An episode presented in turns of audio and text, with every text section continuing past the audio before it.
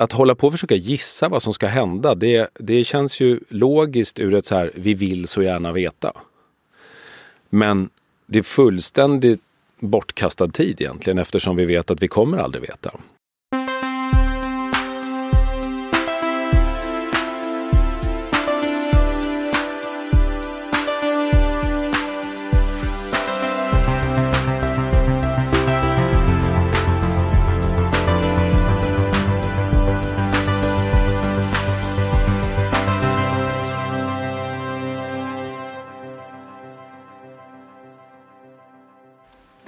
Jag är så stökig så att jag har inte något eh, utarbetat frågebatteri idag. Vad härligt. Ja, eller hur? Och du frågar inte heller så att då tyckte jag var skönt. Ja, ja men det, det skulle kunna bli mer närvaro då i samtalet.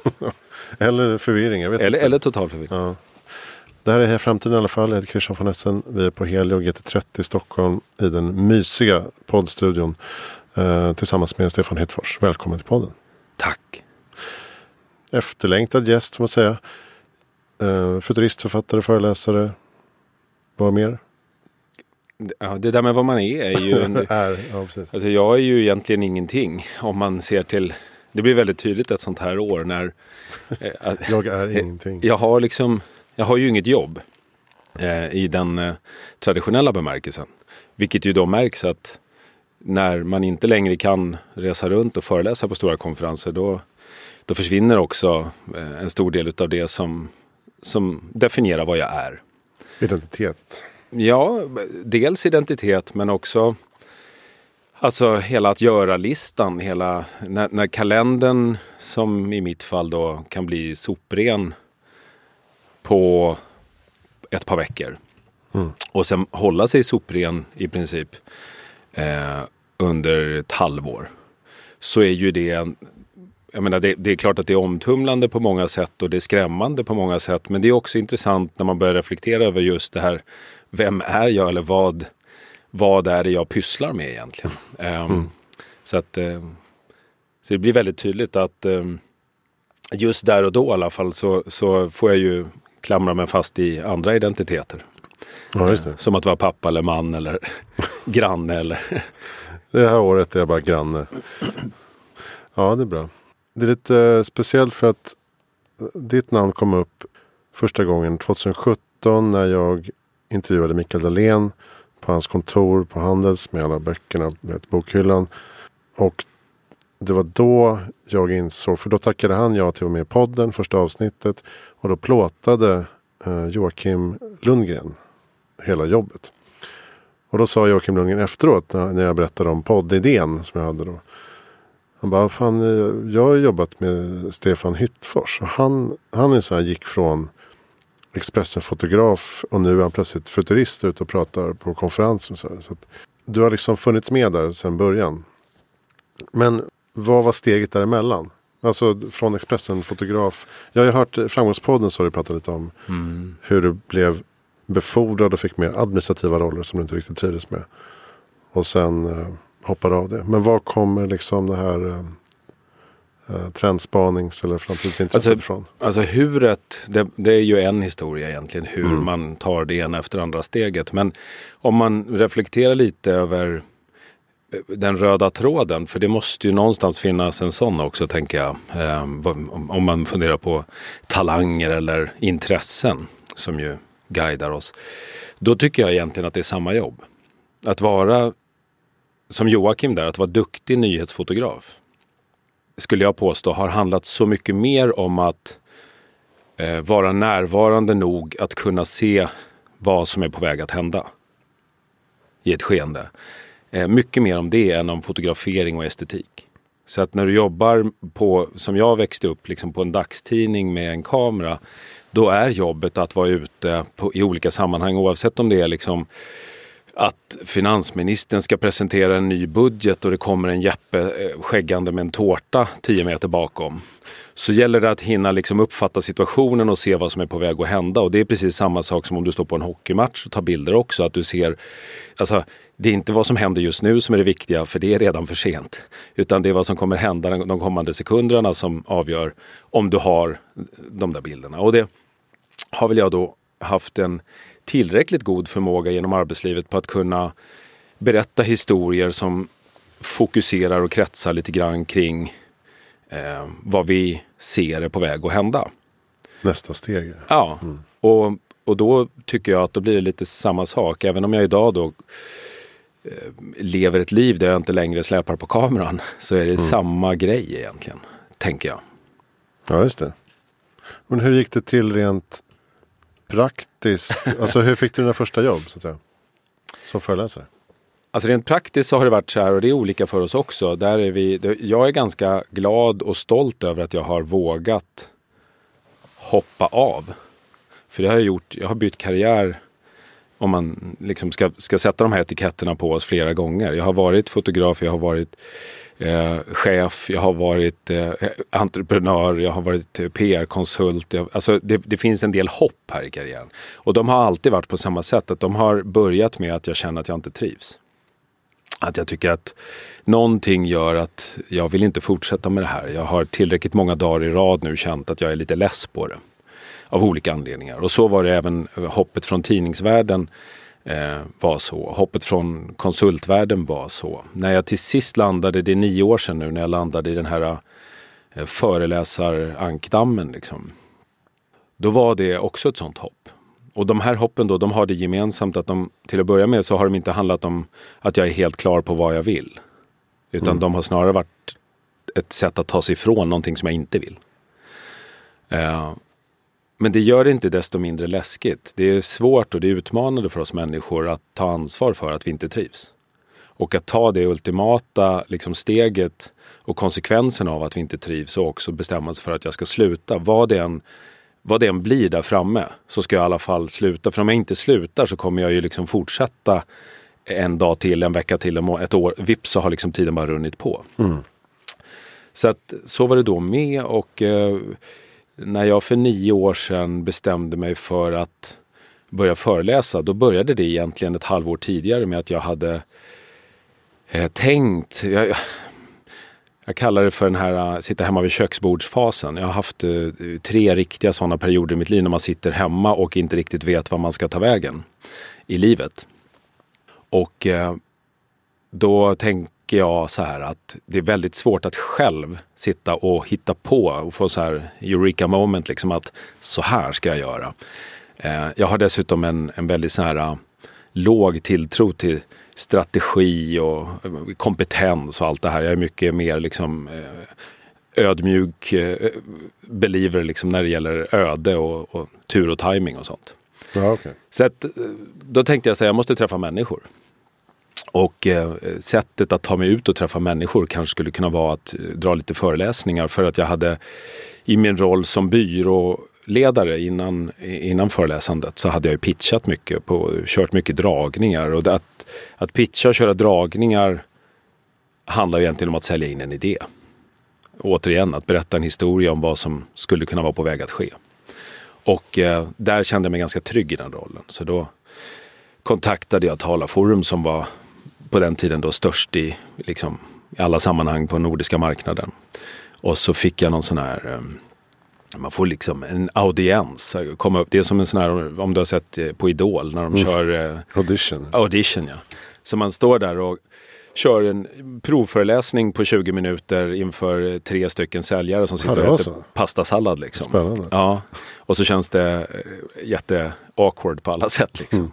Och sen efteråt så pratar väl de ihop sig och så i mitt fall då så gissar jag att, eller, eller så vet jag ju med facit i hand då att de de, ja, de landade ju i någon form av gemensamt omdöme att det här är inte helt värdelöst. Vi kanske kan göra något av det. Ungefär mm. så. Liksom. Uh, och så fick jag chansen att göra ett par sådana föreläsargig. Och, uh, och sen blir det som det alltid blir. att uh, Apropå det här med tur och timing. Att uh, Dels så var de som jag träffade tillräckligt nöjda för att de skulle känna att ja, men, eh, den här jeppen har varit ute och ändå levererat någonting som har gjort att vår kund är nöjd.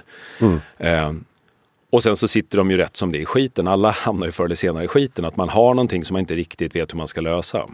Så då började de ringa mig och så sa de så här att du, jag vet ju att du egentligen eh, är så här mediamänniska, pratar kommunikation och sånt där. Men kan du någonting om eh, employer branding eller CSR eller, det vet vi har massa etiketter. Så här. Och jag, eh, återigen, jag tycker liksom även sånt där, att, vår, att vi ska sätta etiketter på allt, det är liksom bara någon eh, Ja, det är en tankevurpa som vi gör. Liksom. Jag tycker alltid samma sak, så jag säger bara ja till alltihopa. Så var jag ute och pratade till sist om precis allting. Mm. Eh, så du hör, det låter totalt otrovärdigt ju. men, Nej, men, jag, men, men det, det ledde in på ett spår som gjorde att, att efter ett halvår någonting så var jag totalt fullbokad. Och insåg själv att jag behöver inte hitta på något annat att göra för det här är jätteroligt. För att eh, då kan jag ägna min tid åt att studera precis vad som än eh, får mig att gå igång. Och sen så får jag uppenbarligen då betalt för att andra ska lyssna på reflektioner kring de här uh, studierna. Mm. Eh, så att, eh, och, och, som sagt, så har det rullat på fram till, fram till pandemin i alla fall. Ja, precis. Och nu är vi här. nu sitter vi här. Nej, men det är jättehäftigt. Men, kan du utkristallisera några framtidsfrågor som du liksom har haft närmast hjärtat? Som du tycker är mest roligt att grotta ner i? Alltså, det finns, som jag ser det, så finns det massa olika perspektiv på det här. Och det, dels då det här perspektivet som låter väldigt klyschigt men som jag alltid försöker att på något sätt väva in med exempel. Att, att framtiden inte är något som vi ska förutspå utan den är någonting vi skapar. Och jag tycker just nu när vi sitter här 2020 så Dels har vi blivit väldigt brutalt påminda om att vi kan inte förutspå framtiden. Liksom alla hade fel. Det är bara att konstatera. Vi hade inte ens pappersmun liksom, och plastvisir till våra eh, läkare. Så att, att hålla på och försöka gissa vad som ska hända, det, det känns ju logiskt ur ett så här, vi vill så gärna veta. Men det är fullständigt bortkastad tid egentligen eftersom vi vet att vi kommer aldrig veta. Och det är också en viktig påminnelse för att då blir vi allihopa, förhoppningsvis i alla fall, lite mer fokuserade på vad vi egentligen bör ägna vår tid och våra tankar åt. Att, att då bestämma oss för olika typer utav um, dels förhållningssätt till nuet. Framgång i framtiden handlar ju liksom snarare om att vara väldigt duktig på att förstå nutiden. Och det låter som en no-brainer men det är faktiskt nästan alltid så att de företagsledare jag träffar är inte primärt fokuserade på nuet. Utan man jobbar med det som har tagit en hit och det är det som vi ofta kallar för erfarenhet och det som vi värdesätter så enormt högt. Erfarenhet betyder i en snabbrörlig och snabbföränderlig tid så betyder erfarenhet egentligen bara en sak, att du vet hur vi tog oss hit. Det betyder sannolikt att du är kanske en av de sämst lämpade att, att berätta hur vi ska ta oss härifrån. Liksom. Mm. Om vi accepterar tanken på att vi har mycket omtumlande förändring att se fram emot. Så de här lite mer filosofiska tankarna kring hur framtiden egentligen blir ett resultat av vår nutidsanalys som sen ska brygga över till någon form av handling. Den är viktig i nästan i alla sammanhang tycker jag. Konkreta frågor om, om framtiden, då har jag ju hela tiden under de här eh, nio åren i alla fall försökt att väva in hållbarhetsfrågan. Om jag ska prata om digitalisering som många har liksom haft på agendan de sista åren, då blir det för mig en väldigt bra brygga in till att om vi skulle kunna lösa problemet A eller tillgodose behovet Y genom att frakta information istället för att frakta prylar då ska vi också nyttja den möjligheten till att eh, nu eh, nytt, ja, exempelvis eh, använda mindre resurser eller slita mindre på ekosystemen eller någonting sånt där. Så att det finns liksom alltid, i, i mitt huvud så finns det alltid en väldigt sån här logisk förklaring till hur allt hänger ihop. Och vi själva brukar vilja liksom och, och ha ett behov av att bryta ner det i frågor och, och såna här rubriker och etiketter som digitalisering eller så. Men i slutändan så tycker jag liksom att um, de berättelser som jag har livnärt mig på att åka runt och, och de, de handlar ju liksom aldrig om någonting som inte du egentligen redan vet. De handlar däremot förhoppningsvis om lite reflektioner som du kanske inte har haft tid att, att göra kring det du vet. Mm. Ja, precis. Du har pratat om eh, tillit till exempel. Hur vi kommer förhålla oss till de monetära systemen i framtiden. Vad fan ska jag komma med det? ja, men det är ett bra exempel. Jo, men jag tänkte apropå, apropå du sa att vi skapar framtiden och därmed eh, kan vi också skapa självuppfyllande profetior. Eh, du var inne på det någon gång. Att eh, om, om alla säger att, eh, banken ska krascha då kommer folk ta ut pengar från banken och då kommer den krascha. Eh, så det är det jag tänker också att man kan använda eh, åt andra hållet. Om vi hela tiden försöker måla upp en ljus bild av framtiden så kommer vi också kanske sträva mer eller mindre medvetet mot den. Mm.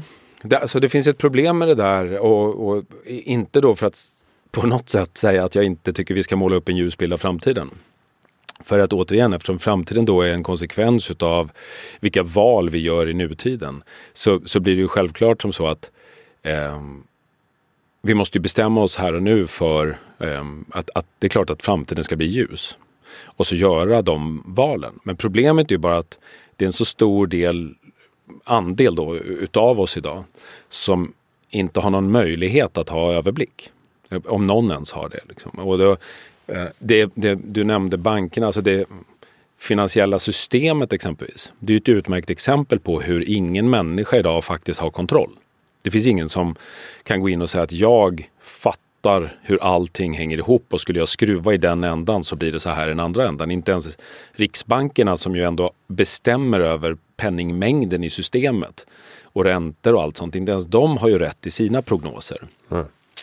Utan vi har skapat ett system som helt och hållet har på något sätt eh, fått oss att hamna i kölvattnet som, som bara någon form av så här brukare. Eller konsumenter eller vad vi nu vill kalla oss för. Liksom. Och på samma sätt är det ju idag med allt fler exempel på de här olika tekniska innovationerna. Jag blir lite trött när jag hör att eh, alla eh, fortsätter att med liksom bara optimistflaggan prata om hur alla de här tekniska prylarna ska lösa livet bättre. Nu ska vi lära känna oss själva bättre. Nu ska vi få liksom till sist en app som lär mig om mitt humör. Eh, och på så sätt så kan jag förstå att jag är faktiskt eh, en, en person som bli arg när jag sitter i trafiken exempelvis. Och det förstod jag inte innan för då trodde jag bara på att det var medtrafikanterna som var dumma i huvudet. Men nu lär jag mig att jag är arg. Och så, och så går vi liksom blint in i de här utan att någon såklart nu heller har en möjlighet att ha kontroll över något system. Och vi har ju inte ens börjat diskutera konsekvenserna av, eh, jag menar det, Åk till San Francisco idag, jag vet inte när du var där senast, men det är ju så här, det är ju på något sätt, där har du ju det är bara att promenera runt. Så ser du, där är, där är liksom teknikoptimismen eh, på gatan. Det är liksom, ja, det är några miljardärer eh, och sen är det människobajs på trottoaren liksom. Och heroinister. Mm. Um, så att konsekvenserna utav den här uh, optimismen har ju hittills i alla fall haft enorma baksidor. Vi ser just nu, jag menar så sent som igår, det var så här um, på BBCs eh, notiser om ekonominyheter. Då kom så här, eh, på nummer ett så stod det liksom att extreme poverty uh, at the highest rates since 1998. Nu är, så här, nu är extremfattigdom en ekonominyhet uh, på BBC. Och, och, den andra nyhetsflashen den var att uh, the wealth of billionaires have increased och så x antal procent under pandemin. Så att den här samhällsklyftan mellan de som har lyckats hamnar rätt kontra de som har lyckats, den växer ju lavinartat. Och den ser vi konsekvenserna av just nu överallt i samhället. Och då menar jag inte bara polarisering i politiken och hela den här liksom, Trump-effekten och det. Um, utan jag menar även eh, konkreta konsekvenser av hur människor i unga åldrar mår och hur självmordsstatistiken ser ut och allting. Och då måste vi ändå vara ödmjuka nog att konstatera att det fanns ju ingen såklart som skapade de här apparna, de här sociala medierna och det som hade liksom en vision som skulle handla om att tonårstjejer ska börja ta livet av sig i driver på grund av att man jämför sig med varann och man sitter isolerad och är deprimerad. Men vi har ändå likförbannat hamnat där. Och då måste vi på något sätt reflektera över så här, hur fort ska vi springa på i den här teknikoptimismen exempelvis och bara fortsätta att vifta med flaggan och säga liksom att ja, men var inte pessimist, var optimist. Um, när det är så uppenbart det är som så att ingen har kontroll. För de här, de här systemen som vi sätter i rullning är så stora så att de hamnar så långt ifrån en individ som, så att inte ens en sån som, som Mark Zuckerberg kan ju ha kontroll. Eh, och det här säger jag inte för att göra liksom, lyssnaren deprimerad utan jag bara säger det för att vi har väldigt mycket viktigare frågor som vi skulle behöva samtala om. Eh, en, dels än de som vi kanske samtalar om och de som vi klickar på. För det är ju de som, som politikerna kommer samtala om också. Mm. Eh, och då handlar det om nu om stora sådana frågor som som dels vår relation till naturen, där hållbarhet inte längre liksom är en fråga om att vi ska göra saker och slita lite mindre, utan nu, nu ser vi så många tipping points så att vi ser att det är väldigt tydligt att fram till och med nu så har djur och natur fått kämpa hårt för att överleva människans framfart. Men nu har vi nått så många tipping points där vi ser exempel på att framtiden kommer bestå av det motsatta. Vi kommer hela tiden få kämpa för att förhålla oss till naturens förändrade villkor. Och pandemin är ett sådant exempel. Vi ser hur små vi är. Ett, ett sånt här coronavirus är liksom en tiotusendel så stort som ett saltkorn. Och vi har fått stänga världen. Och så tar du det och sätter det i relation då till de här olika eh, scenarierna som IPCC levererar så förstår vi allihopa att ja, det är klart att vi måste prata mycket mer om det här. Istället för att bara springa på och tro att det viktiga och det coola är liksom att vi kan effektivisera våra gamla affärsmodeller. Och sen har vi hela datasäkerhetsgrejen och vem ska få äga din data och hur rimligt är det egentligen att, eh, att, att du inte bara nu ska sitta som totalt oförstående fånge i ett ekonomiskt, finansiellt, globalt system utan också i ett datasystem där eh, det är väldigt tydligt tycker jag liksom, att vi lämnar nu en värld som har handlat om att, eh, att du måste ha en strategi. Strategin ihop med marknadsföring är ditt sätt att föra dig på en marknad och manipulera kunder till att handla med dig. Och när jag säger manipulera så menar jag inte nödvändigtvis liksom någonting eh, djävulskt utan reklam handlar ju om att manipulera människors känslor. Liksom. Men nu går vi in i en värld där vi, liksom, vi kan skippa det här med strategi istället för data. För det är de som äger datan. Som, alltså att sälja en pryl har ju alltid handlat om att förstå köparen. Och nu kan du förstå köparen så ofantligt mycket bättre de kommande åren på individnivå. Och då blir det tillgången till data och hur du manipulerar människor med hjälp av den datatillgången istället för strategi och marknadsföring. Och då är frågan igen då. Ehm, det är klart att det finns massvis med uppsidor i det här.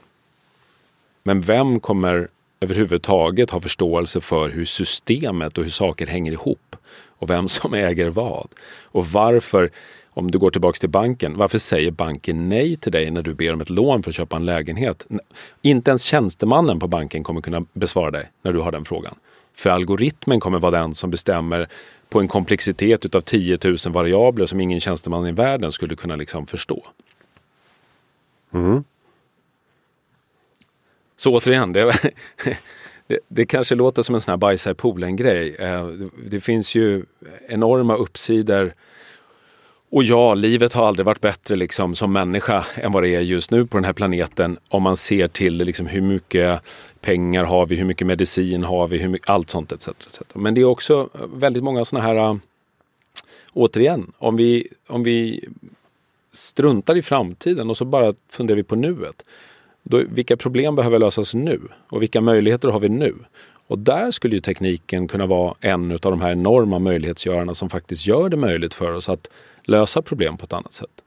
Men då är frågan, vill vi det?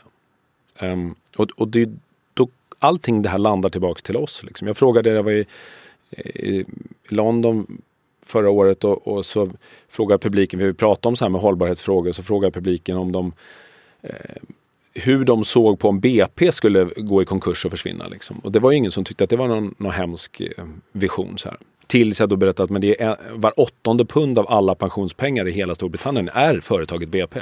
Mm. Och då blir man mer tveksam. Mm. Så det, återigen, vi sitter ju i de här systemen och ibland är det svårt för oss att se hur saker hänger samman. Liksom. Det är lätt att tro att det är svartvitt och bara lägga ner.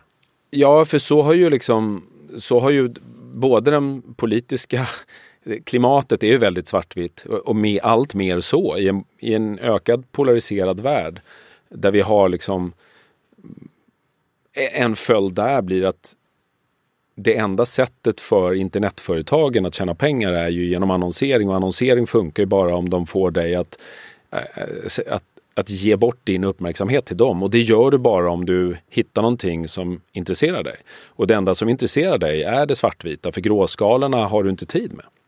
Eh, och då ser vi, då får vi en mer och mer polariserad press och så får vi en mer och mer polariserad social plattform och så etc. etc.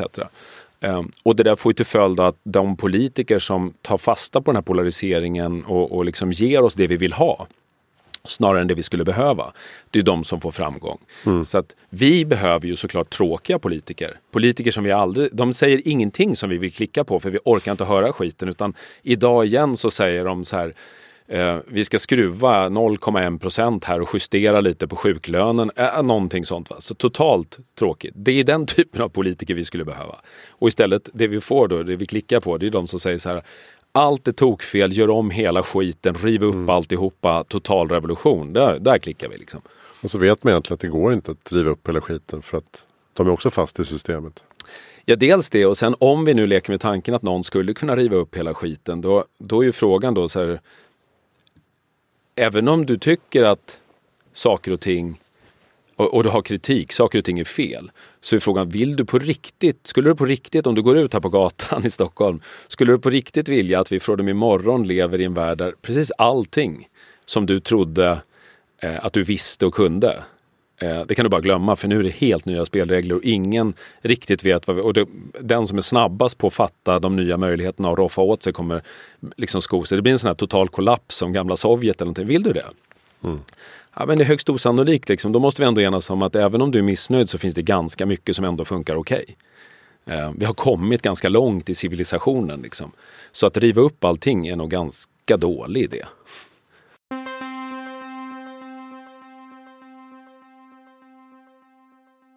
Jag tänkte på, vad är din syn på eh, basinkomst? Om vi pratar framtidens arbete och så här. Du, du hade någon eh, idé i Framgångspodden tror jag det var. Där där du lekte med tanken, istället för att fråga vad jobbar du med? Så ställer man frågan, varför jobbar du? Ja, just det. Uh, och det är ju en, det är en fråga som kretsar mycket mer kring det som i sånt fall gör att livet känns meningsfullt. För det är väldigt många människor som, eh, som, som erkänner att den enda anledningen de jobbar är för att de måste. För det är så vi, vi lever. Så att, eh, min syn på basinkomst den är så här, den, den är flera stycken för att eh, dels så har vi redan basinkomst. Eh, vi har basinkomst för människor ända fram till de har slutat studera. De får, ett stu alltså de får på något sätt får samhällets hjälp för att eh, vara unga. Med både eh, studiemedel och med eh, sjukvård och allting där. Och, och sen har vi det också när vi har, kallar det för att vi har slutat jobba efter pension och så. Så, har vi, så vi har ju redan basinkomst för, för en stor del utav, om vi tänker att medellängden i Sverige är över 80. Och så har du ett yrkesverksamt liv idag som ju börjar allt senare men i snitt brukar man säga 23-årsåldern fram till kanske 65. Då har du, utav de där 80 så har du redan basinkomst halva tiden. Och då är ju frågan om precis som med hur vi lägger om pensionssystemet, liksom när vi har gjort det på 70-talet, så då är frågan om så här, ska vi skruva någonting i skalan? Ska vi göra så att basinkomst blir en större eller mindre del av livet? Och då har vi ju hittills då diskuterat att ja, det måste bli mindre del av livet genom att vi justerar upp pensionsåldern. Vi måste jobba längre om vi blir äldre. Ehm, och det är väldigt lätt att falla för den eftersom det låter väldigt logiskt. att Det är klart att du inte kan vara en kostnadspost en större del av livet än en intäktspost. Liksom. Mm. Men om vi sen börjar reflektera kring, kring frågan som sån, liksom vad, vad är det vi pratar om? Då är det inte bara eh, pengar utan då handlar det om till att börja med om, om vem ska ha rätt till de här pengarna. Då blir det genast mycket svårare. För det är kanske är lätt för oss att enas om att vi skulle kunna dela ut en peng till människor. Eh, precis som att vi kan stimulera delar av vår ekonomi. Vi kan exempelvis ha stimulansåtgärder riktat mot bankerna när bankerna har gjort bort sig. Det, det, är liksom, det har vi till och med upplevt. Då skulle vi på samma sätt kunna bestämma oss för att vi ska ha stimulansåtgärder riktade mot medborgarna. För medborgarna behöver stimulans just nu för att de går på knäna eller de har, eh, har det extra tufft av en anledning. Så att, att bestämma oss för att vi ska stimulera en viss del av systemet, det, det, är ju inte något nytt egentligen heller, utan det har vi ju gjort i en massa olika sammanhang. Då brygger det här över till liksom lite mer med, med det emotionella. Då, då börjar man eh, hitta svar i jantelagen och allt sånt där. Men ska det verkligen vara rimligt att människor ska få pengar exempelvis? Eh, utan krav på motprestation. Och där är det många som blir väldigt provocerade av en sån fråga som basinkomst. Sen finns det ju många som eh, tycker rent rationellt också att vi har inte råd. För att var ska pengarna komma ifrån? Och det bygger ju också på en tankevurpa som uppstår när du tänker att okej, okay, men, men med dagens system så tror vi att vi har råd. Alltså det är ungefär som att det är självklart att alla som går till jobbet skapar värde. Men det finns ju en stor mängd människor som går till jobbet varje morgon som, som faktiskt inte skapar något värde alls utan snarare skapar nya problem. Eh, om, du, ja, men om du tittar på vi har hela bilindustrin idag befinner sig i en omställning där de flesta fortfarande bygger liksom fossilbilar eh, som vi nu har kommit fram till att de är inte så bra för stadsmiljön för det blir alldeles för smutsigt och sju miljoner människor dör i förtid i luftföroreningar på jorden och vi har eh, växthusgas, alltså alla de här grejerna. Så det är så här, då bygger vi ju problem. Varför ställer vi inte om snabbare? Och, och, det krävdes liksom en entreprenör som Elon Musk för att få dem att få tummen ur röven och en, ens börja. Mm. Vi ser eh, hela modeindustrin, klädbranschen som kör ett totalt ohållbart race där det liksom handlar om att få oss att, att tänka i så korta eh, terminer som möjligt och köpa så mycket som möjligt trots att vi liksom vet att det är ohållbart. Vi ser en livsmedelsindustri som som ger oss mat som gör oss dödligt sjuka. Liksom, vi kallar det för välfärdssjukdomar, vilket är ett bisarrt ord. Ju, för det, liksom, frågan blir, har vi välfärd eller är vi sjuka? Är vi har tydligen en sån bra välfärd så att vi blir sjuka. Så att, mm. Etc, etc. Och då är frågan så här, har vi råd med det då? Har vi enligt Världsnaturfonden så har vi dö, alltså utrotat 60% av alla ryggradsdjur på 50 år. Och det är en kostnad som vi anser oss ha råd med. Fastän vi vet att ekosystemet bygger på alla steg före oss så försvinner insekterna så försvinner allt. Och då blir frågan om vi har råd, den blir bara fascinerande. För att ha råd handlar ju bara om att eh, bestämma sig för att dela ut pengar. Och pengar är ju fortfarande, det är ju inte naturen, utan pengar är ju någonting som vi styr över. Så då kan vi ju bara bestämma oss för, precis som vi stimulerar ett banksystem för att vi har inte råd, det är too big to fail, liksom, så kan vi ju stimulera individer. Och skulle vi lyfta kravet på jobb med exempelvis det då, som basinkomst på något sätt. Så att vi lyfter kravet på jobb. Då skulle vi möjliggöra för väldigt många fler människor att välja och göra, gå upp varje morgon och göra någonting som de tycker känns meningsfullt istället för att nödvändigtvis göra någonting som de måste. Och det är inte per definition någonting som, som är dåligt. Eh, det skulle lika gärna kunna uppstå massa bra ur det. Sen finns det såklart problem, eh, som alltid, att system kommer missbrukas och vissa kommer att total, bli totalt passiva. Och, mm. eh, men, men vad jag tycker om det så är det så här också. Jag tycker att det är en, en oundviklig utveckling. För att av den enkla anledningen att vi går in i en värld där nu börjar vi röra oss från E till A. Liksom från allt ska vara elektronisk, e-handel och e-post och sånt. Och så nu går vi in i en A-värld där allt blir automatiserat på grund av liksom algoritmerna istället. Och hoppet från E till A är likande omtumlande som hoppet från analog till digital antagligen. Och vi har inte börjat förstå det här än, att nu automatiseras allt. Och när allt automatiseras, då hör du ju själv att då behövs ju inte lika mycket människor.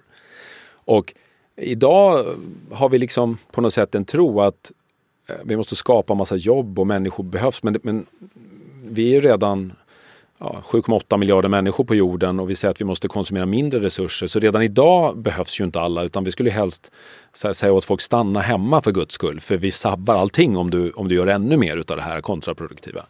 Eh, men om du kommer till steget där algoritmerna börjar ta över mycket av värdeskapandet, då blir det ju väldigt definitivt och väldigt snabbt så.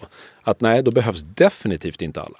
Och då är ju inte frågan liksom Ska du sitta hemma och svälta ihjäl?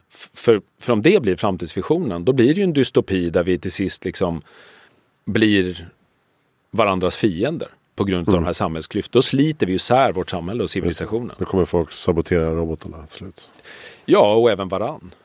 alltså, utan då måste ju, vad är civilisation? Vad är det som gör att vi lyfter oss över de andra djuren?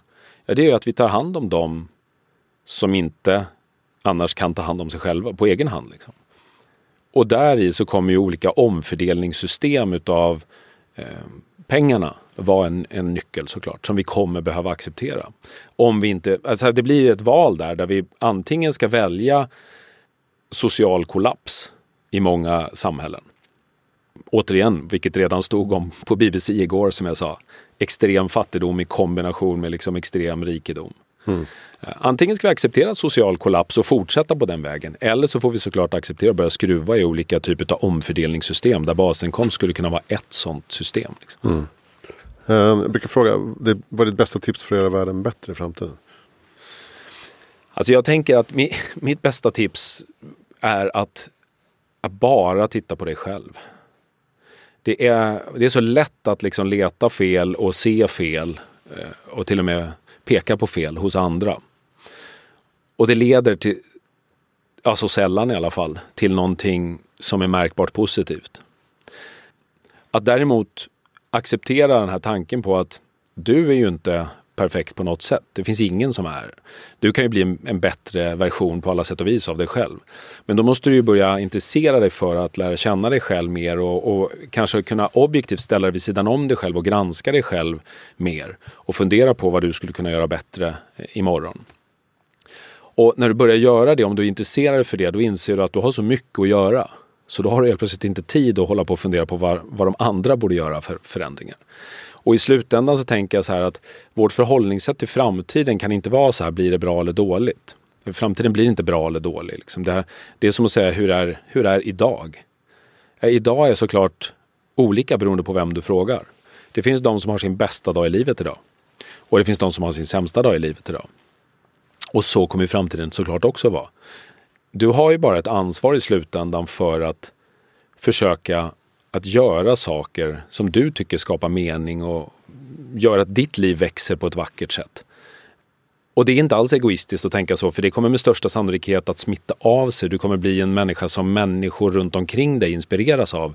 För de ser att du, du gör saker som de kanske också skulle vilja göra. Och de, och de ser på dig att du eh, tycker att det känns meningsfullt och att du är lycklig i det du gör. Och då blir man liksom sugen på att se mer ut som du, för du ser så himla nöjd och glad ut. Liksom. Istället för att vara en sån som pekar på hur, hur alla idioter har missuppfattat allting runt omkring dig och fly ditt ansvar igen. Liksom det, eh, det, det, är det traditionella. Det känns som du återkommer ofta till uh, det egna ansvaret. Ja, men i slutändan så är det bara... Agens, liksom. Alltså, återigen då, eftersom min bild av både nutid och framtid är resultatet av mina tankar. Den är liksom inte som den är. Utan framtiden blir inte bra eller dålig, utan den blir som du tänker om det som är. Så du kan, beroende på ditt förhållningssätt, så kan du förvänta dig en väldigt ljus och positiv framtid. Alternativt en väldigt mörk och hemsk. Och så fort du börjar förstå att just det, det är ju mitt förhållningssätt till det som faktiskt är som avgör hur jag upplever att det är. Så fort du accepterar den tanken, då är det klart att det handlar om eget ansvar. För det finns ju ingen annan som kan ta ansvar för dina upplevelser och dina känslor. Och på samma sätt så kan inte du kräva av andra att de ska dela dina upplevelser och dina känslor. Utan du kan i slutändan faktiskt bara ta ansvar för ditt eget. Och problemet då i en värld där vi lever med mycket distrahering, mycket stimulans ifrån alla former av tekniska hjälpmedel som vi har för det ena och det andra.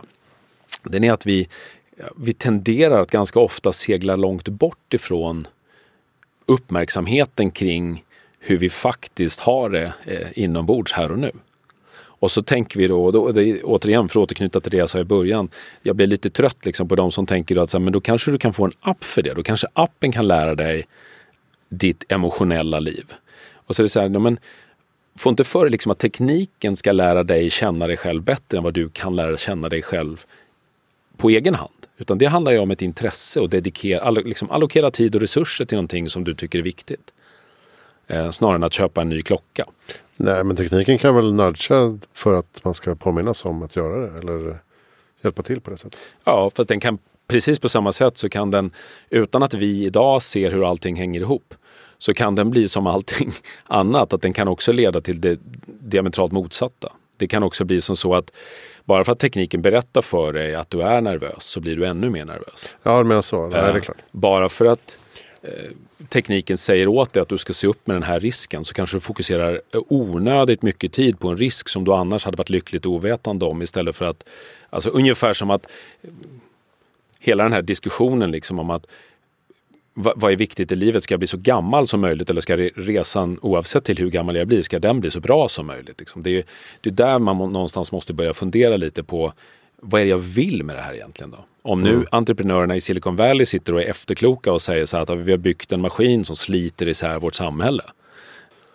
Då kan vi konstatera att det blir ju inte alltid konsekvensen av det vi ger människor blir ju inte alltid det vi har tänkt oss. Liksom.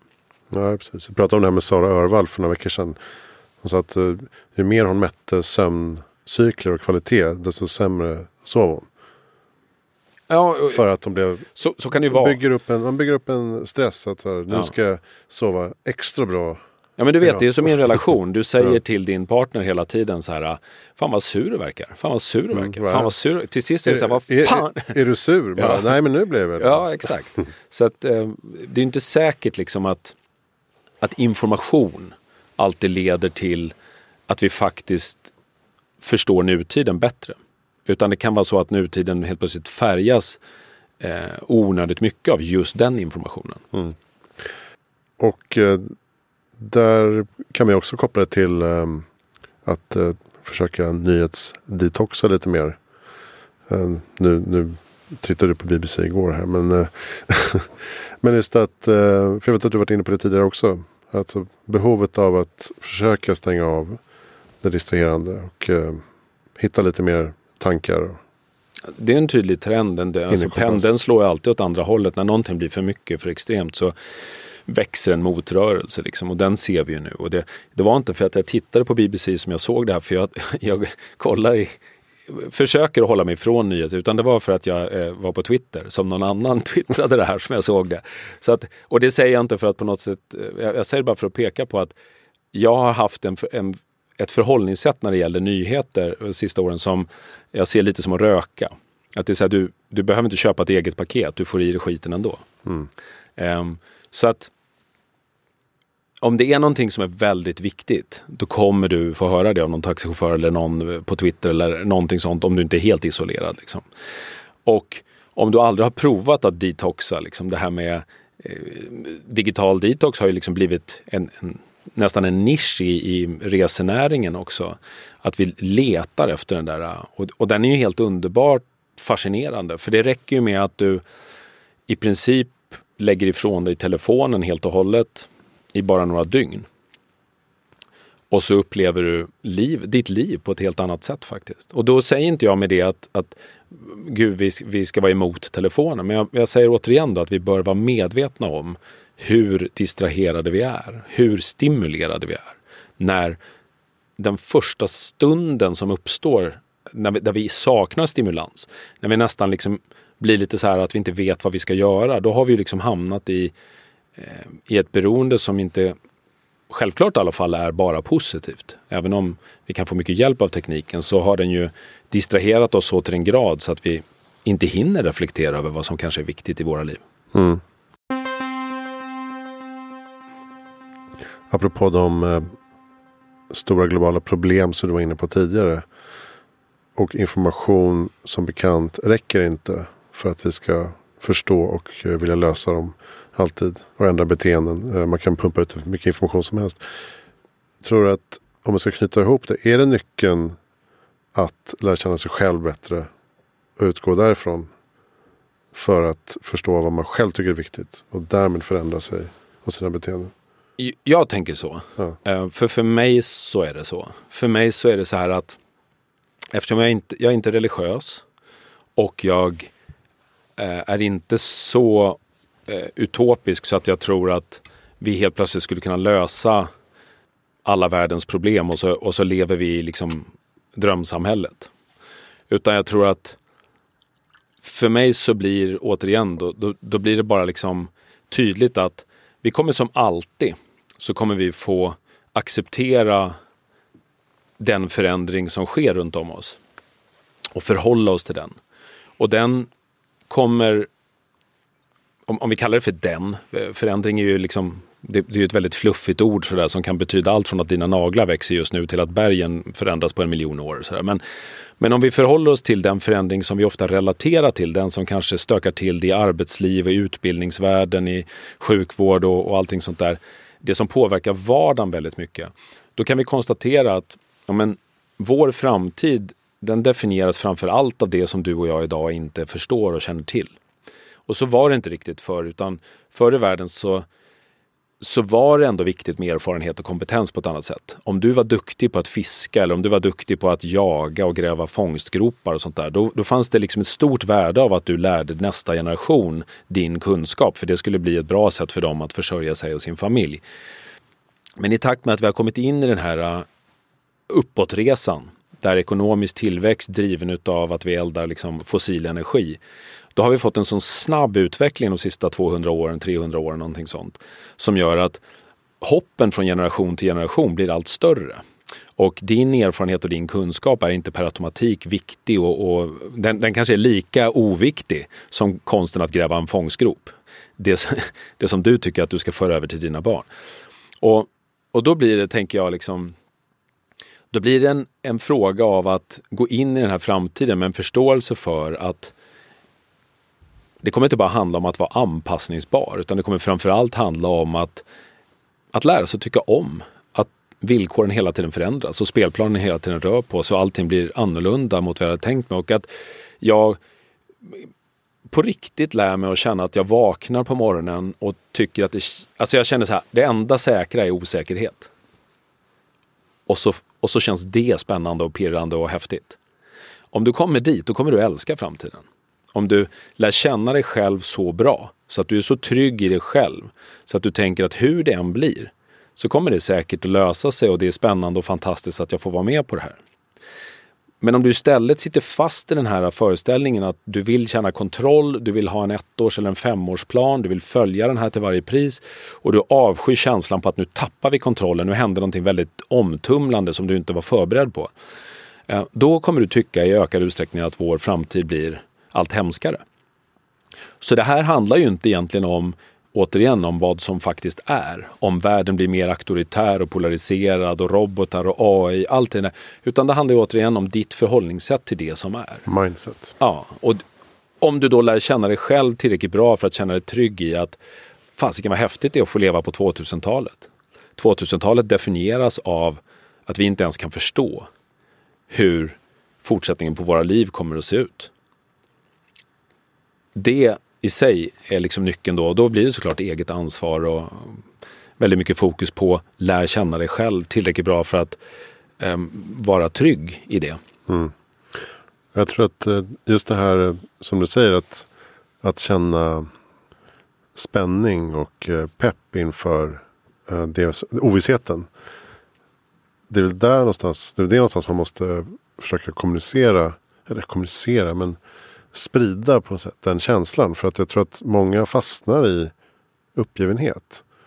Man följer, um, ja men till exempel om man är aktiv inom klimatfrågan. Så blir man ju lätt uh, nedslagen ganska snabbt. För man tänker att det är ingen idé. Typ. Jorden är på väg uh, att gå under. Och så, jag hörde häromdagen, jag gav mig in i en sån här debatt. där där någon faktiskt frågar hur tänker ni som skaffar barn i den här världen? Ska man göra det eller inte? Typ. Och man bara shit vad det har gått fort. Ja. Att man plötsligt tänker att det typ inte finns någon framtid. Att, att, att eh, barnen kommer hata sina föräldrar för att vi har gjort det här. Fast det där tycker jag är ett bra exempel på just det som, som, som jag försökte få fram nyss. Att om du är så fast i att det ska vara som det är nu. Annars så blir det hemskt. Eh, om glaciären smälter så är det hemskt. Om eh, det inte går att bo runt ekvatorn så är det hemskt. Om, alltså om du har bestämt dig för allt det, ja då är det klart att du, du känner en uppgivenhet. För du känner så att det är redan kört. Liksom. Vi har en inbyggd tröghet i systemet. Mm. Men om du istället tänker att men vänta, om du ställer följdfrågan, hur tänker ni som skaffar barn? Då skulle ju vår civilisation ha försvunnit ja, på ruta ett. Hur fan tänkte de som skaffade barn förr i tiden när folk bara gick omkring i något jävla mörker och slaktade varandra och det var digerdöd och det var... Alltså, hur tänker människan som skaffar barn? Man tänker inte alltid så jävla mycket heller. Dels det va. Och sen så måste det väl ändå finnas en acceptans för att du behöver inte igen, du behöver inte bestämma dig för om det är bra eller dåligt. Nej, det kanske är som så att våra barn aldrig, eller våra barnbarn, de kanske aldrig kommer få åka skidor i Alperna. Det kanske är så. Men de kanske har någonting som de, alltså, det är mycket som vi inte får göra som våra förfäder gjorde. Så att, återigen, bara för att vissa saker som du tycker om här och nu blir omöjliga i framtiden så betyder ju inte det att, att det inte finns en massa andra saker som man kommer uppskatta i den framtiden. Nej, det är inte så att barnet dimper ner och bara, vad fan är det här? Vad är det för skärseld som du har satt mig i? Nej, men 99,99 procent av alla arter som har funnits på jorden har blivit utrotade, brukar liksom alla som forskar på det konstatera. Och då är det så här, vi sitter ju inte och ledsna över 99,99 procent av alla arter som inte finns, utan vi är ledsna och oroade för isbjörnarna. Eh, och återigen, det här, jag, jag hör ju när jag säger att det låter väldigt eh, provocerande. Men jag säger så här, det finns ju ingenting som säger per definition att det måste vara så här. Eh, utan vi, vi måste ju bara till fullo förstå att om vi mår dåligt av någonting, ja, men då bör vi ju försöka se till att, att ändra vår livsstil såklart. Men det faktum att klimatet förändras eh, och det faktum att det kommer ställa nya krav på oss att anpassa oss till den förändringen. Eh, det är ju ingenting dramatiskt egentligen, utan det som är dramatiskt igen, det är liksom magnituden och hastigheten och dramatiken. Så ett sånt här virus som vi har i år, den här pandemin, är ett bra exempel på att det är ju inte förändringen i sig som är hemsk, utan det är hastigheten. För hade viruset spridit sig mycket, mycket långsammare, då hade vi hunnit hantera det på ett bättre sätt. Och då hade vi inte haft ett problem, då hade vi inte behövt stänga världen. Så blir det ju med klimatförändringar också. Att klimatförändringarna innebär att vi med stor sannolikhet kommer råka ut för så stora och dramatiska förändringar så att vi kommer tvingas till en massa, ja, oavsett om det är lockdowns eller vi kommer tvingas ta massa steg tillbaka som vi tycker är jobbiga. Men det betyder ju inte fortfarande, så, att många förlorar mycket och att mycket är hemskt för många, det betyder ju också nya möjligheter för många andra. Eh, jorden kommer inte försvinna, den kommer finnas kvar. Utan det handlar ju om hur vi li lever vårt liv på den här jorden och hur länge det ska pågå och hur det livet ska, ska se ut. Liksom. Och, eh, och det vet vi ju redan nu att det kommer ju se, väs det kommer se totalt annorlunda ut om vi bara går liksom 20 år fram i tiden. Av, av, dels av, av anledningen att naturen ställer nya krav på oss att anpassa oss och människan får svårare liksom att, att förhålla sig till de här kraven. Men också på grund av att vi har en helt ny generation. De barnen som människor skaffade för Ja, de, alla som är födda på 2000-talet kan man säga, det är en tredjedel av jordens befolkning idag. Det är en ny boomergeneration och man ser att de har en lust att eh, göra andra prioriteringar och andra val och nya attityder. Det kommer innebära stor förändring. Och såklart teknik kommer också innebära förändring. Så att det finns en massa olika sätt att förstå att, eh, återigen, det kommer inte bli som du och jag är vana vid. Och om vi tycker att det är fruktansvärt per definition, för det inte är som när vi var små, då, få, då mår vi ju allt sämre. Liksom. Och det ser ju överallt att polariseringen i politiken idag handlar ju sällan om höger-vänster, utan den handlar ju ofta om framåt-bakåt. Liksom. Och någon vill göra det som det var förr, lite great again. Och någon är mer så här, äh, teknikoptimist och tänker att vi ska fortsätta framåt, det är så vi löser problemen. Och I slutändan så är det ganska lätt, tänker jag, att gissa vem, vem, vilken sida som drar det längsta strået i den där. För tidsresor bakåt tror jag inte helt plötsligt kommer bli möjligt. Nej, man, man, vill ju fråga då, när, när tycker du var en bättre tid att leva på? ja, dels det. Det är svårt att hitta ett, ett datum. Nej, men, men, men det blir ju liksom ett, ett sätt att... Alltså det finns ju en, en, nu kommer jag inte ihåg vad den heter, det finns en bok, klassiker, som handlar om hur man How to create mass movements eller något sånt där. Hur man skapar massrörelser. Mm. Och det, receptet har alltid varit detsamma oavsett om du tar en religion eller om du tar nazismen eller vad som helst. Så att skapa en massrörelse handlar bara om att identifiera ett missnöje. Och finns det en stor andel människor som är missnöjda och det kliver fram en karismatisk ledare och pekar ut en gemensam syndabock, då är du hemma. Mm. Uh, och det där har gått om och om och om i historien. Och, och den blir väldigt stark den massrörelsen, för motståndet finns ju inte. Eftersom motståndarna är inte missnöjda, så de har ingen massrörelse. Så att det ska vi också vara lite varse på, liksom att när, när det ser väldigt hemskt och dystopiskt ut och sådär så, um, så är det ju den missnöjda som hörs snarare än den som faktiskt tycker att vi har jättemycket att vara glada över. Mm. Um, du har ju lite äldre barn än jag. Hur tycker du att man ska peppa gymnasieungdomar som tar studenten och är uh, oroliga för framtiden? Hur ska man liksom eh, boosta deras framtidstro? Uh, ja, ja, men det, jag tänker att, och det har jag försökt med mina barn, jag vet inte om det kommer att, jag hoppas att det har gett dem någon, någon bit på vägen, men att hela tiden försöka att säga att Du måste försöka att sträva efter att hitta saker i livet som du tycker om. Försök inte vara översmart, försök inte liksom tänka ut en, en långsiktig plan, försök inte tro att liksom utbildningen X kommer rädda allting. Alltså, det, det är lätt att det i slutändan blir någon form av bitterhet och besvikelse i det där. Utan våga istället i den värld vi lever i idag där vi har så oerhört eh, mycket i vår del av världen i alla fall, att, att vara tacksamma för.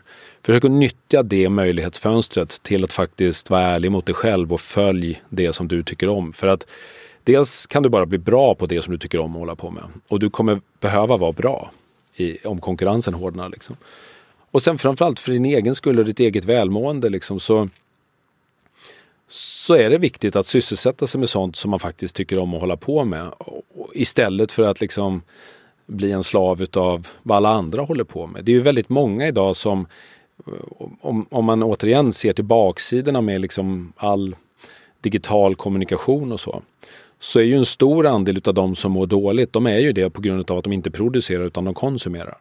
Om du konsumerar hela dagarna vad andra producerar, då blir ju känslan liksom att de andra har någonting på gång och de andra är steget före och de andra har liksom hela tiden ett liv som känns så spännande och så aktivt och så rikt medan du ligger där och konsumerar och scrollar. Mm. Så, och, och jag tänker liksom att precis som på, på min familjenivå så är det på samhällsnivå också. Att ska vi få ett samhälle där människor faktiskt klarar av att ta ansvar för sig själva och är intresserade av att lära känna sig bättre själva, allt det här som vi har pratat om nu. Då måste vi ju skapa en kultur där det är tillräckligt tryggt för alla att känna att det är inte så i alla fall att jag hamnar i diket om jag gör det här. Och då kan ju sådana konkreta exempel som när du nämnde basinkomst bli liksom Ja, det är så vi skapar den civilisation som vi faktiskt ser leder till någonting bättre för, för samhället och för gemenskapen i framtiden.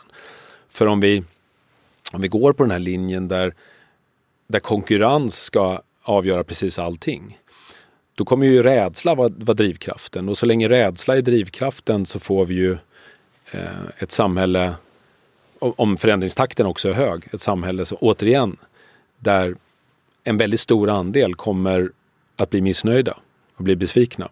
Och då får vi istället sociala problem. Liksom. Så, att, så jag tänker att rekommendationen till barnen och, och det, det är liksom Ja, men jag brukar säga liksom, det finns en sån här gammal talesätt, låt inte skolan störa studierna.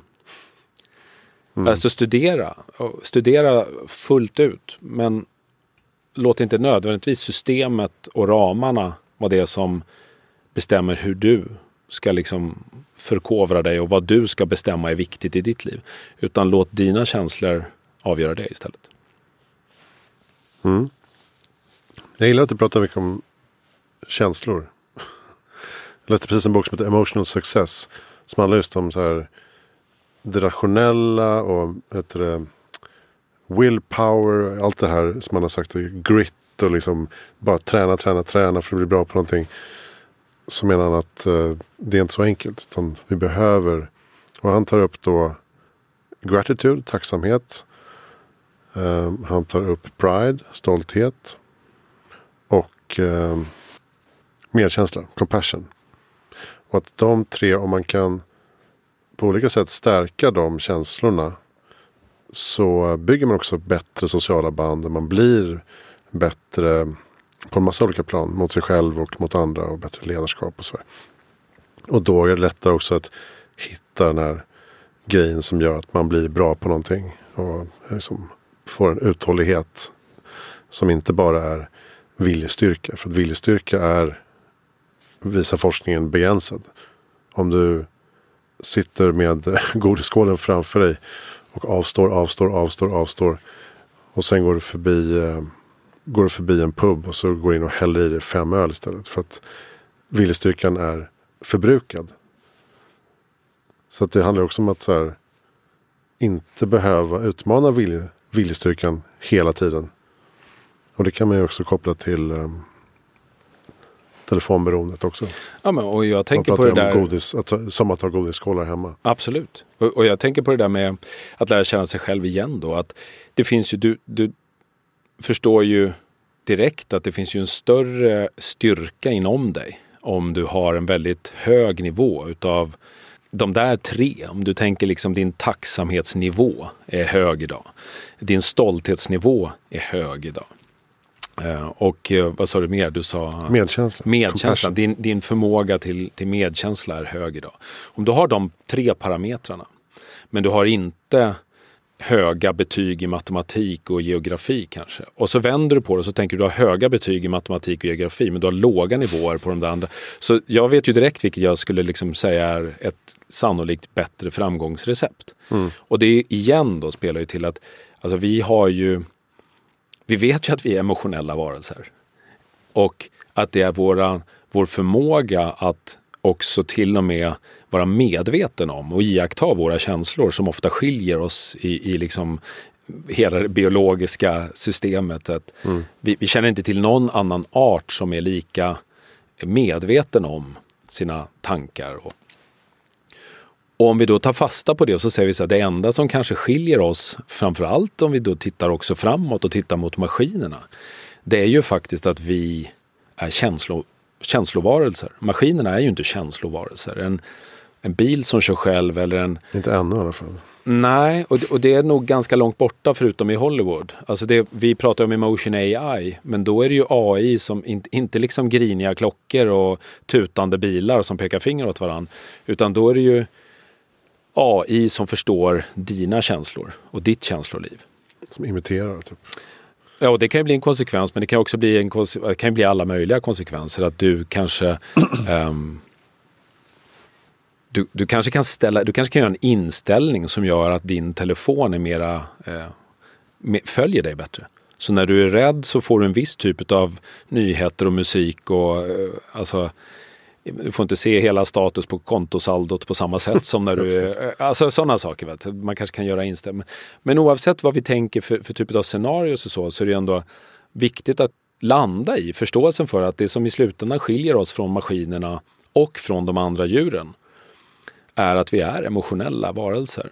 Mm. Det var därför jag tyckte det, det var lite uppfriskande. Ja. Att se att, att känslor kan spela roll på ett positivt sätt också utvecklingen. För man är, nu är det så populärt att prata om att vi måste ha förnuft och vetenskap och eh, rationella beslut som vi ska fatta. Men det är ju inte så man funkar. Allting baseras ju på någon form av känsla. Mm.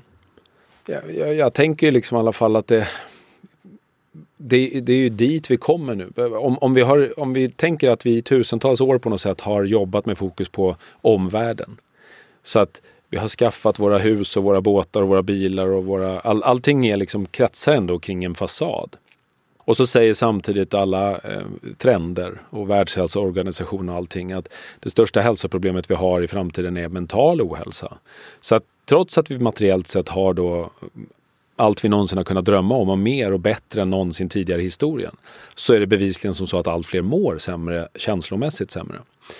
Och då tänker jag återigen då att den pendeln håller också på och slår tillbaka åt andra hållet i form av ett ökat intresse för det inre livet. För om vi nu har eh, gjort det yttre livet till perfektion och så har den här generationen, de här 32 procenten utav människorna som är födda på 2000-talet, de har sett att det där lyckoreceptet är inte trovärdigt.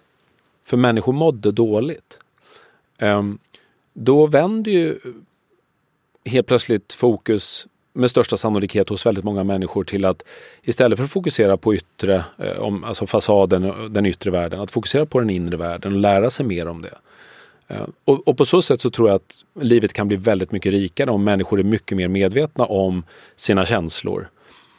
Och kanske till och med ibland lyckas, som jag sa, ställa sig utanför sig själv och granska sig själv och fundera på, på sina egna känslor. Istället för att bara tro på dem. Mm. Därför har man trygga människor så behöver man inte lika mycket materiella ting och ägande heller. Nej, det, alltså det finns ju såna här gamla, eh, som med alla sådana där visdomsord som handlar om, om det emotionella livet så tenderar de att vara buddhistiska. Det finns ju sådana som heter att rädsla för framtiden, eh, det handlar bara om att rädsla för att förlora eh, olika typer av, alltså det heter på engelska desire. Att har du mycket desire, har du mycket, vad blir det, önskemål eller är, är det mycket som du önskar efter, då blir du också väldigt rädd för framtiden. Och om du kan bli fri från desire, då finns det ingen rädsla kvar. Mm. Och det är klart att vara helt fri från, från desire är liksom svårt. Men det är ändå ganska logiskt när man tänker på då i, i, kontrast till hur livet ser ut för de flesta människor i västvärlden idag i alla fall. Att här är allting kretsat kring desire. Um, och oavsett hur många av dina tidigare mål du har uppfyllt så finns det alltid något nytt som du sätter upp. Liksom. Mm. Och det är klart att det då ja, kan borga för att det är svårare i alla fall att, att komma till ro med sitt inre liv. Eh, sen behöver inte det betyda att liksom alla ska släppa alla, all, all åtrå i världen och bara liksom, eh, eh gå all in och bli munk. Men Lite mer munkiga. Lite kanske. mer munkiga tror jag alla skulle må bra av att bli, mm. absolut. Har du bra lästips eller poddtips? Ja, på det här temat så tycker jag, jag läste precis Rutger Bregman eh, som eh, skrev om, jag kommer inte ihåg vad den hette nu. Eh, Humankind. Humankind, ja just det. det är fantastiskt. Ja, som eh, handlar ju om hur hur vi på något sätt har bestämt oss för att hela tiden driva på historien om att människor är ganska hemska. Giriga, egoister, Ondska. Ondska liksom. ja. När det i själva verket, enligt hans eh, liksom, bok då, som han väldigt underhållande och, och, intressant presenterar olika typer av exempel på. När vi har hela historien full av exempel på motsatsen. Att nej, men, majoriteten är inte alls det, utan majoriteten är eh, mysiga sociala varelser som är lika medvetna som du om att vi är, vi är på den här planeten tillsammans. Precis, han visar till och med att även de mest fruktansvärda arméerna är framgångsrika inte på grund av ideologin, det är inte så viktigt, utan det är ju kamratskapet mm. mellan varandra. Att man ställer upp för sin broder i, i, i nöd. Ja, han hade sådana här härliga exempel ja, också. När de har så. räknat hur mycket ammunition som har så kan de konstatera att de flesta soldaterna sköt inte ens. De vill fast inte. de vill inte, liksom. de vill inte döda dem på andra sidan. Nej, den är jättebra. Humankind, Rutger Bregman. Kolla in den. Vem tycker att jag ska intervjua? Men Rutger Bregman skulle vara kul. Ja, ska... du, just det. Man får tänka så stort. Jag tänker så här snävt att vi sitter här på Grev Turegatan. Ja, jag har gjort så hittills men eh, jag måste ju börja göra distanspoddar också. Ja, ja. Tycker jag. Ja. Ja, nej men då är, absolut. Jag, jag, skulle i alla fall lyssna om du intervjuade honom. Jag tyckte, tycker han verkar spännande. Ja. Stefan Hyttfors, vad, vad din hemsida? Är det hyttfors.com? Ja. ja. Där finns lite info om, om föreläsningar. Det finns lite YouTube-grejer och sådär man kan eh, Just det, jag har ju som alla andra nu för tiden försökt att bli lite YouTuber också. Just det. Ställa om. Jag, jag, gör någon, någon liten, ja inte så egentligen. Jag, jag gör ju för sig föreläsningar hemifrån.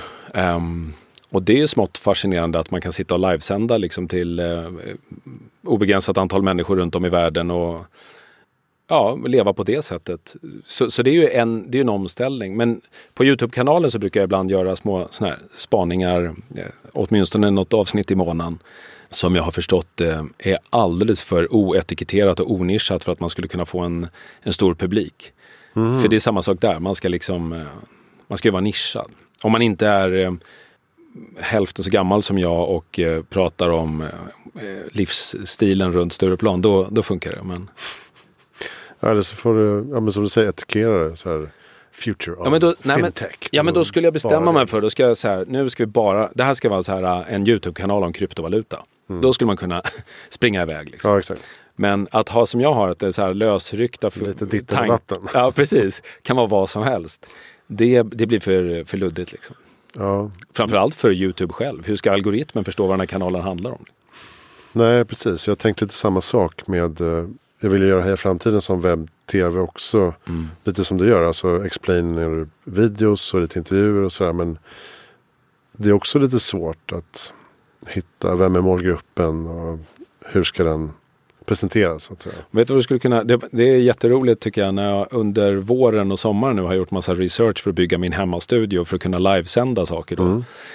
då har jag ju eh, gjort all research på Youtube egentligen.